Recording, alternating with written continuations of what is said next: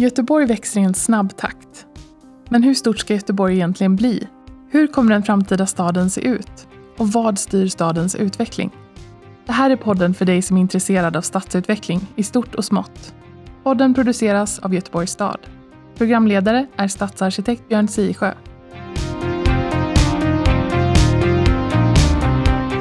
Välkomna till Götepodd, podden om hur vi utvecklar Göteborg. Eh, idag har jag med mig två stycken gäster som ska få presentera sig själva. Båda jobbar med bostadsutveckling. Martin Blixt. Tack så mycket Björn. Martin Blixt heter jag, och är VD på Framtiden Byggutveckling. Eh, byggherrebolaget inom Framtiden-koncernen i Göteborg, Allmännyttan. Ja, Marina Fritzsche heter jag och är regionchef och vice vd på Wallenstam här i Göteborg. Och vi jobbar ju både med kommersiella lokaler och bostäder men framförallt så är vi en stor byggaktör när det gäller bostäder då, och framförallt då hyresrätter. Själv heter jag Björn Siesjö och är stadsarkitekt i Göteborg.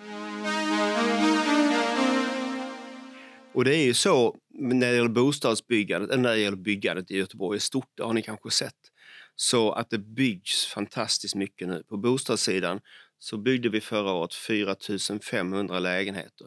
Den takten har vi haft för, men det var under miljonprogrammets mest aktiva år i Göteborg.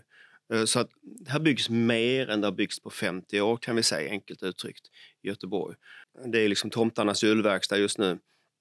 Hur, hur påverkar den er i er verksamhet? Marina? Nej, men jag känner ju också igen detta. Vi har ju också en rekordhög byggtakt hos Wallenstam. Jag menar, om man bara tittar på det vi håller på med i Kallebäck just nu då, så är det ju bara där har vi ju tusen lägenheter i produktion. Och sen bygger vi ju även i Majorna och eh, i Elisedal till exempel just nu då. Så att eh, vi känner ju igen oss i den bilden. Martin, håller du med? Ja, jag håller med absolut. Och, eh, jag kan inte säga annat än att jag är stolt över det som eh, vi gör inom allmännyttan. Eh, 2016 så bildades Framtiden byggutveckling för att just öka takten. Att öka volymen bostäder. Så vi har ju kämpat med detta i fem år och nu ser vi att det händer. Och det har vi ju inte gjort själva. Vi ser ju också att staden har ju tagit ut en riktning med hjälp av utbyggnadsplanering, grönplan, trafikstrategier etc. Så vi, vi har ju varit många som har hjälpts åt och staden har faktiskt pekat med hela handen. Vi ska bygga mycket och nu gör vi det när ni bygger nytt, kan ni bygga tillräckligt billigt för de som har minst pengar i Göteborg? Och det här med eh, nyproduktionskostnader och framförallt den hyran som måste genereras för att få ihop den investeringen. Den är ju en, en ständigt återkommande fråga och tittar man eh, i backspegeln så har den alltid varit på tapeten. Eh, tyvärr är det ju så att bygger vi nytt idag så är det dyrare än det som byggdes igår. Det är samma sak som eh, en ny bil idag är mycket dyrare än en bil som byggdes för 10-15 år sedan. Eh, med det sagt så, så betyder ju inte det att vi inte jobbar aktivt med frågan. Vi vet idag att eh, vi kan göra saker för att effektivisera. Vi kan bygga industriellt. Vi kan bygga typhus konceptuellt. Eh, inom framtiden har vi själva tagit fram typhus i dagsläget som vi kommer vilja komma och diskutera med dig Björn. Hur ska vi kunna jobba med detta för att få ner kostnaderna och faktiskt kunna leverera hyror som fler har råd att, att eh, betala. Och, och eh, frågan är ju avgörande för branschen, för vår trovärdighet, att vi faktiskt kan effektivisera den eh, byggnationen. Ehm, om, om, vi, om vi tittar på utmaningen vi har i fastighetsbranschen där vi har exakt samma hus som vi sätter i ett centralt läge. Har vi det huset och sätter i ett mindre centralt läge så är det helt olika ekonomiska förutsättningar. Även om det är ett eh, relativt effektivt hus så får man ihop det utifrån marknadsvärderingen i ett centralt läge. Men längre ut så får vi inte ihop det. Och det betyder att för att kunna bygga så måste vi få ner den generella kostnaden och kunna hitta koncept som är kvalitativa och kostnadseffektiva. Inte minst ur ett gestaltningsperspektiv. Men varför är hus så mycket dyrare nu än de var för 20 år sedan? Då? Det är inflation. Snickaren som bygger hus, han vill ha mer betalt nu än eh, för 20 år sedan. Materialpriser, transporter, ja, allting blir ju dyrare över tid. Det som är, är, är, är lite skrämmande när man tittar i branschen, det är väl möjligen då effektiviteten i byggbranschen är ju inte i närheten av den som vi ser i tillverkningsindustrin. Tillverkningsindustrin, de har ju effektiviserat avsevärt jämfört med byggbranschen. Så där ligger vi efter. Men vi jobbar aktivt med det. Det kanske är lika dåligt som stadsbyggnadskontoret, eller vad säger du Marina? Nej, men det är klart att en industriellt producerad produkt som är liksom i massproduktion är ju lättare att effektivisera och få ner kostnaden på än ett, en eh, byggnad. För där är ju varje liksom, byggnad, eh, även om man försöker göra typhus, så är ju varje plats ändå unik med sina liksom, förhållanden avseende ljus och buller och hur får vi plats med husen på ett bra sätt. Och också det här med, sen är det såklart kvalitet eh, som vi ska ha, som vi pratade om alldeles nyss här med hur vi bygger och vilken produkt är det vi liksom ska skapa, både för de som ska bo där men också för omgivningen. Uh, och, och, regelverken har ju liksom inte blivit enklare direkt. Uh, och kraven har ju blivit högre än vad de har varit uh, bakåt en, i tiden. Det är väl en tekniskt mer komplicerad produkt. Det, när du pratar om bilar, så en bil för 20 år sedan var ju en enklare produkt än den som vi gör idag. Va? Med tanke på hållbarhetskrav och energiförbrukning och sånt så är det ju en tekniskt mer komplicerad produkt och måste kanske vara det också. Men just, just runt det här med kostnader. För jag jobbade i förmiddags, eller precis innan det här mötet, med Backaplan då. Som ju är en asfaltyta som det står bilar och, och uh, big box-handel på idag. Tänker man, det kan ju inte vara svårt att bygga där då. Va? Men om man tittar på den uh, kvickleran och uh, in, de industriföroreningar som finns i marken idag så det är jättedyrt redan innan man börjat bygga. Så det är ett problem som Göteborg på många ställen har. Att det är faktiskt dyrt att bygga i Göteborg för att förutsättningarna är inte som på andra håll kanske. Men, men sen tänkte jag också, ja visst, i dagens läge så måste man väl bygga billigare då.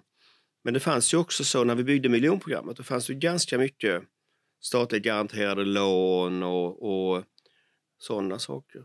Bygger ni helt på marknadens villkor nu? Martin? Vi bygger helt på marknadens villkor och det ligger i vårt uppdrag att vi ska bygga på marknadens villkor och det är till och med lagstiftat att vi måste göra det. Eh, sen så får vi givetvis ta hjälp av de statliga investeringsstöd som finns och det gör vi i stor utsträckning nu. Hur funkar ett sånt då? Ja, det, det beror på vilken area du har och eh, vilken energieffektivitet du har eller kan bygga i ditt hus. Så kan du då få antingen ett ARIA-stöd plus ett energistöd eller bara ARIA-stödet. Framtiden-koncernen har nu jobbat under eh, fyra års tid för att kunna ta nytta av eh, de statliga investeringsstöden. Vi har i dagsläget sex stycken projekt. Det är ungefär 600 bostäder och vi ser väldigt tydliga effekter. Vi kan sänka hyrorna i de bostäderna med upp till 20 procent. Och det ger ju verkligen effekt för de som flyttar in. Vi ser också effekter i beståndet, att det blir väldigt attraktivt att flytta hit för du får en ny bostad till en relativt låg hyra. Jag tyckte det var intressant det du sa där Björn, att man tänker alla delar liksom, samtidigt. Inte så här, nu ska vi köra mycket bostäder och sen är det någon annan som säger nu är det dags för förskolor och, och just det, nu saknas det äldreboende helt plötsligt och nu är det studentbostäder. Utan att hela tiden se vad behövs i en stad. Liksom. Man kan ju se det nu, att, eh, särskilt nu i coronapandemitider. här, att eh, nu känns ju liksom själva stadskärnan jäkligt sårbar.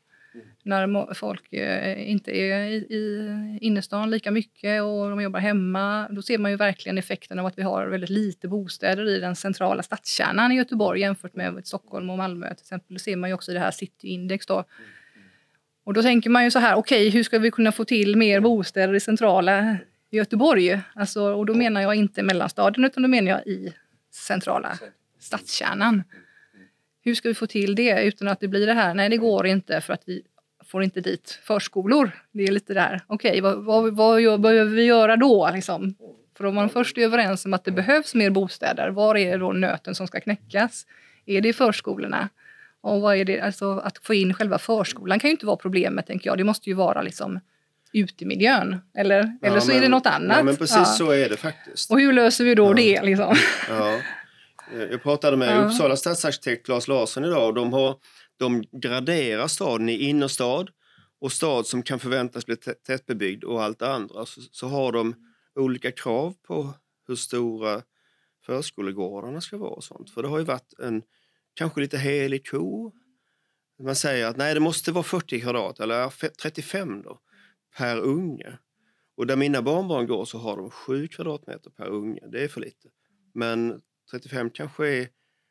Ja, då blir det inga, då blir det inga förskolor i centrala staden helt enkelt. Så, så det, det, är någonting vi diskuterar väldigt mycket. Var ska man sätta gränsen? Hur ska vi uppnå kvalitet och samtidigt överhuvudtaget få till funktionen? För det finns inte några, det finns inte några sådana platser för så stora dagisgårdar som det skulle krävas om vi skulle om vi skulle följa regel 1 liksom, till punkt och pricka. Eh, mm. Men där tror jag att man hade kunnat hitta fram i varje fall och liksom tänka okej, okay, hur, ska hur ska förskolor se ut när de är mitt i stan kontra om de är ute i liksom Frölunda eller Askim eller liksom så. Ja, då, kanske de kan, då kanske de inte kan vara på det optimala, vad det nu är då, sex avdelningar eller vad det nu är man vill ha mm. helst, utan då kanske de måste vara tre avdelningar. För annars så går det liksom inte, då blir det noll. Nej men precis, och det, det, är också någonting som vi ja. faktiskt pratade om på, på ledningen i måndags. Nej, vi kan inte ha åtta avdelningar på samma ställe.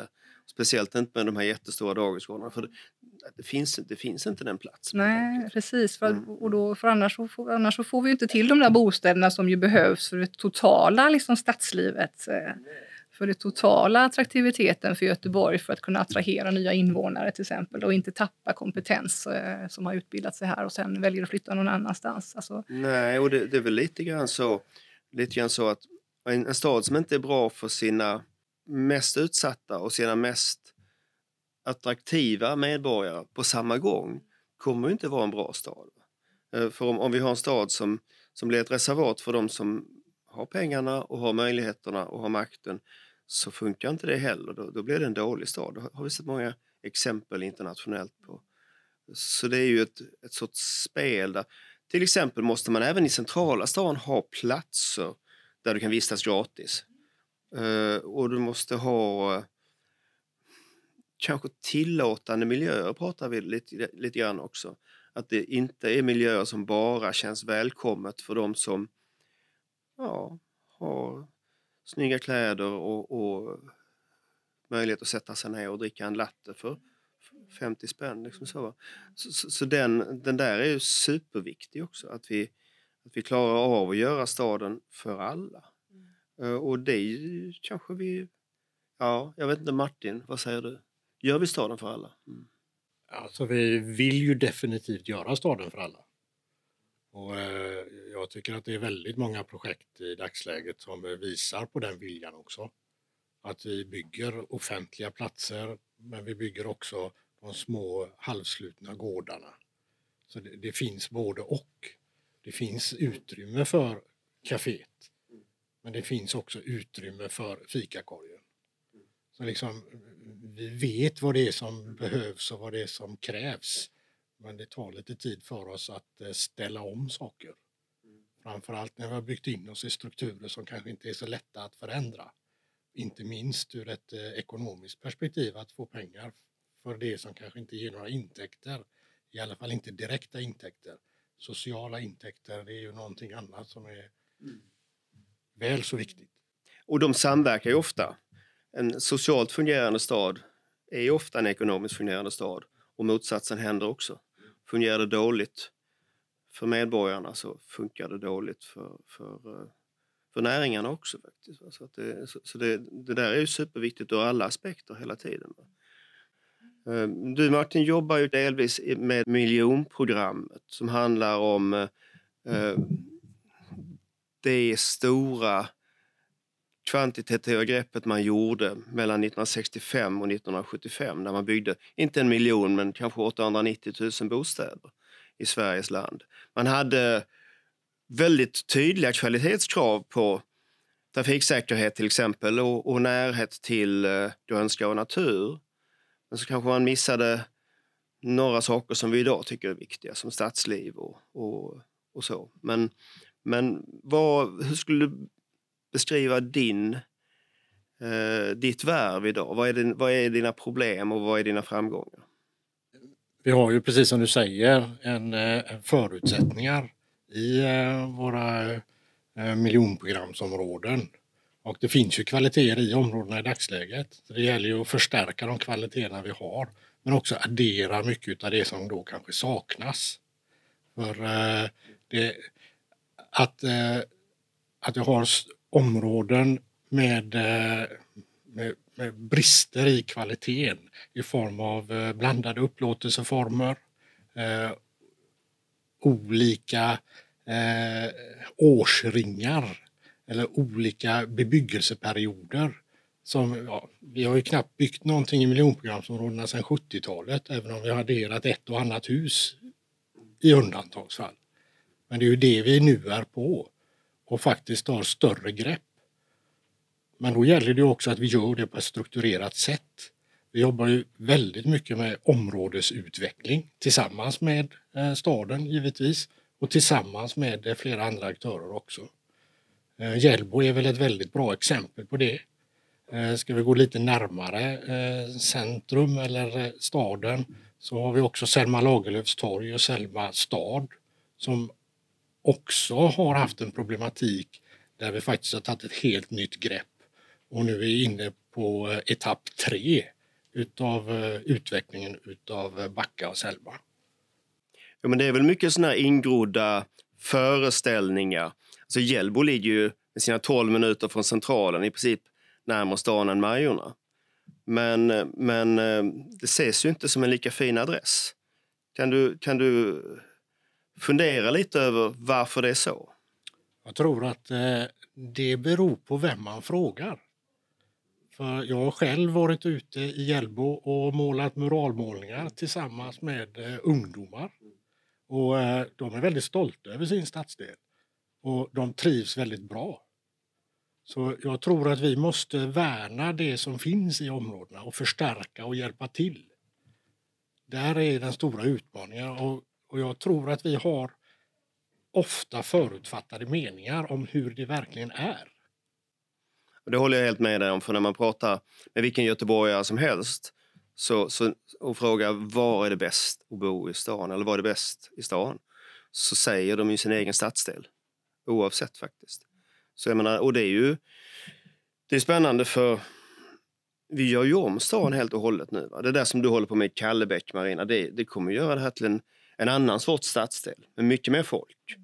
Och, och flera vägar att ta sig därifrån, inte bara en, en, en säck, eh, ett säckområde som det var tidigare.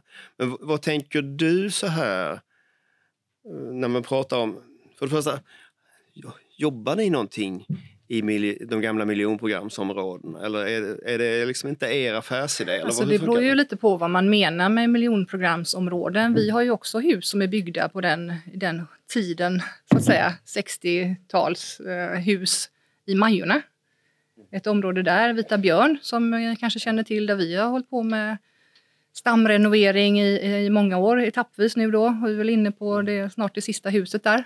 Så att, eh, men det är ju liksom inte miljonprogramsområde i den bemärkelsen att man har en förutfattad mening om just den adressen. För då tittar man på statistiken var folk helst vill bo. Om man tittar på kötider till exempel på boplats så vill ju de flesta bo i centrum och i Majorna Linné.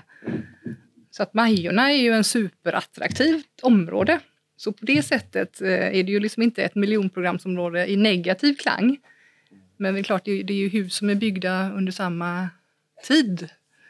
Eh, så att vi har ju liksom också de här eh, sakerna vi jobbar med när det gäller liksom stamrenovering, evakueringar, godkännandeprocesser och, och vad ska man säga, standardhöjningar och, och alla de här grejerna som man kanske förknippar med miljonprogramsområden oftare. Då. Mm. Så att, eh, men där har det ju gått väldigt bra å andra sidan och man är ju väldigt liksom, nöjd att bo där i den stadsdelen. Så, att, mm. mm. så på det sättet så jobbar vi väl lite med det i varje fall. Och Martin, ni fick ju av eh, Gårdsten från listan över särskilt utsatta områden. Som är polisens lista, så det är ju deras syn på saken, men det är i alla fall en stor framgång. Hur, eh, hur jobbade ni med det då? Det är ju eh, ja, Gårdstensbostäder som de flesta känner till i det här laget som har gjort ett fantastiskt arbete de senaste 20 åren.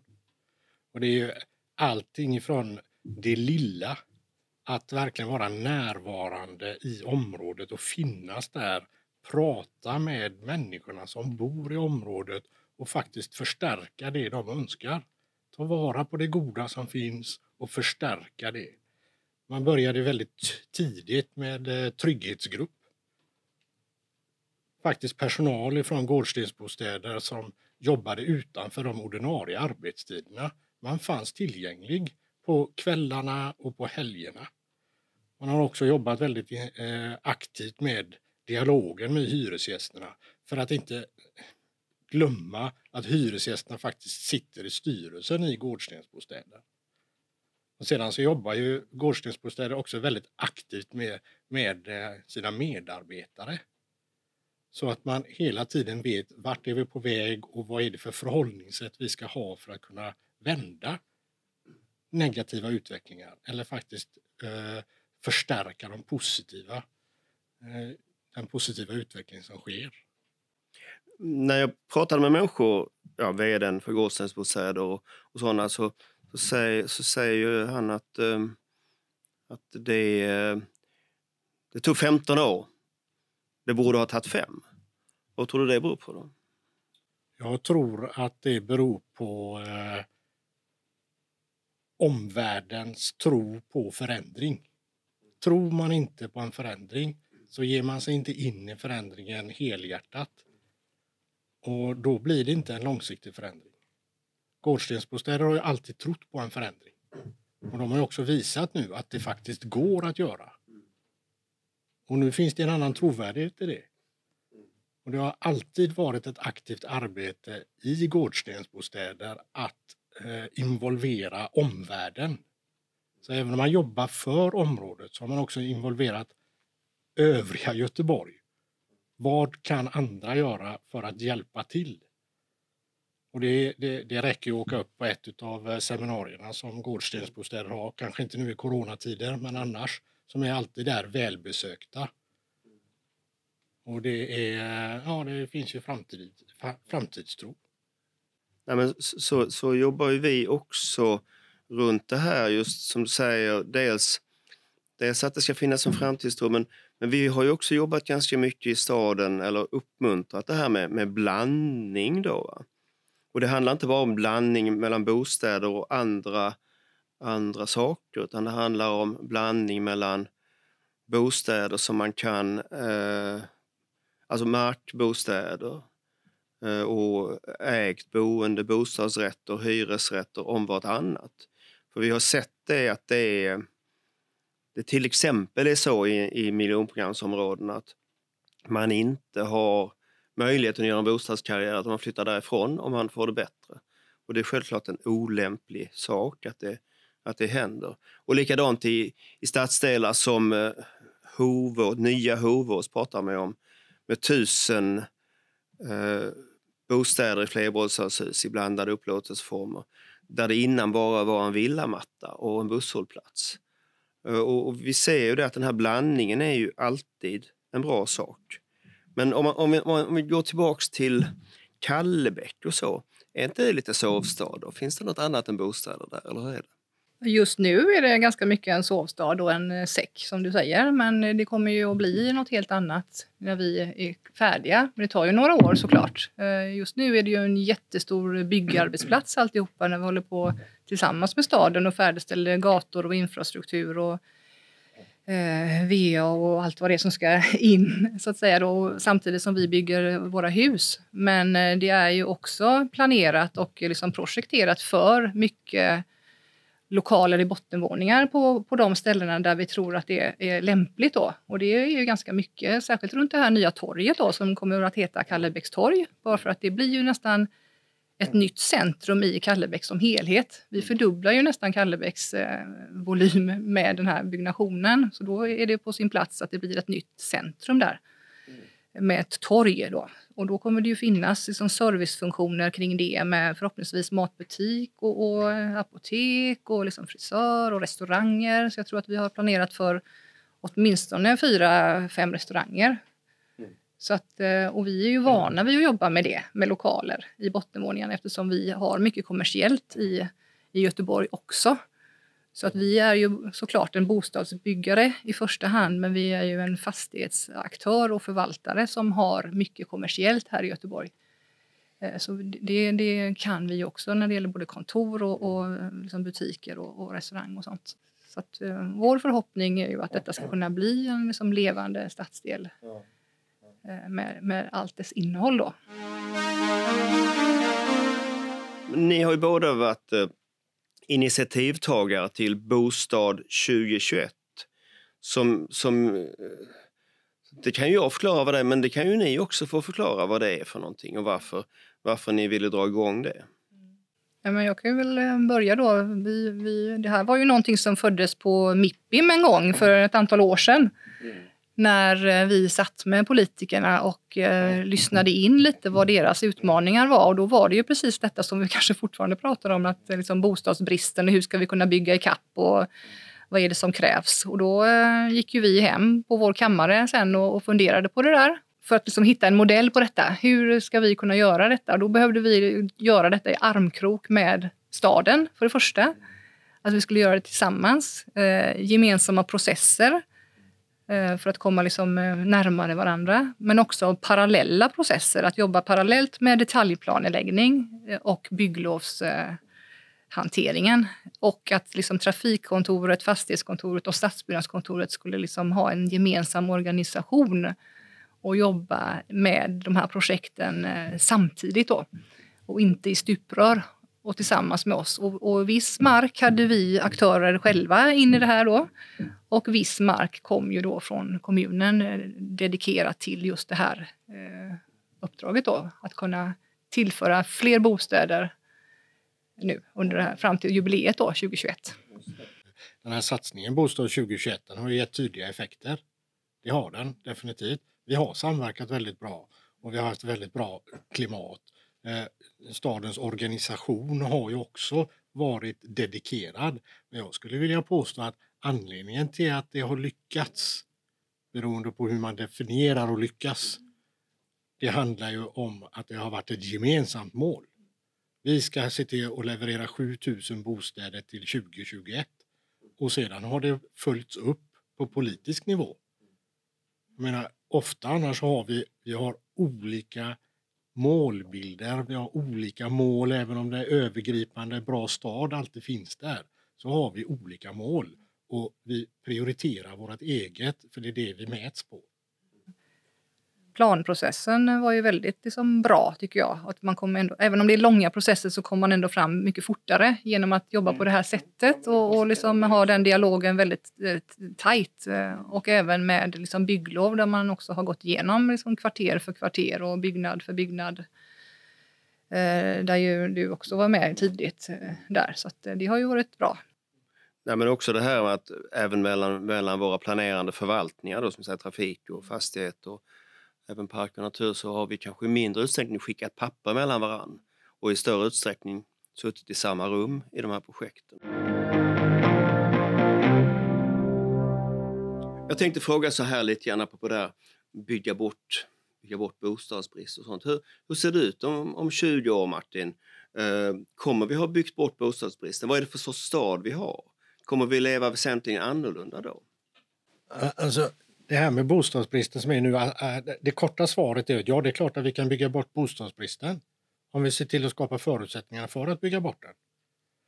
Den stora utmaningen är hur mycket bostäder behövs det för att bygga bort bostadsbristen och hur ser behovet ut över tid? Vi vet ju att när varvskrisen kom på 70-talet, då flyttade folk ifrån staden och vi hade faktiskt bostäder eh, som stod tomma. Vi rev till och med bostäder. 90-talet, det är inte så fruktansvärt länge. Tycker inte jag i alla fall. Hur ser det ut framåt? Kommer vi ha eh, eh, en fortsatt inflyttning till staden eller kommer det vända igen? Så liksom, och, och tioåriga processer, inte ovanligt i våran bransch. Så det vi planerar nu, det är det som vi ser effekterna av om tio år. Så att, att tala om om bostadsbristen är borta om 20 år är jättesvårt, men möjligheten finns ju.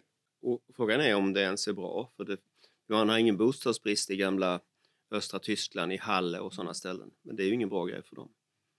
Eh, för då har de ingen utveckling heller. Marina, vad säger du om detta? Då? Nej, men jag var lite inne på det du sa där alldeles nyss. Här, att, eh, alltså, vi ska ju inte ha sån bostadsbrist som vi har nu för då kommer ju de som vi, skulle vilja bo i Göteborg flytta någon annanstans istället och då tappar vi ju liksom attraktivitet och vi tappar ju invånare som hade kunnat bo här. Men eh, sen får man ju också tänka att vi är ju ändå en, en stor storstad som vill växa. Så vi vill ju liksom ha ett tryck utifrån också.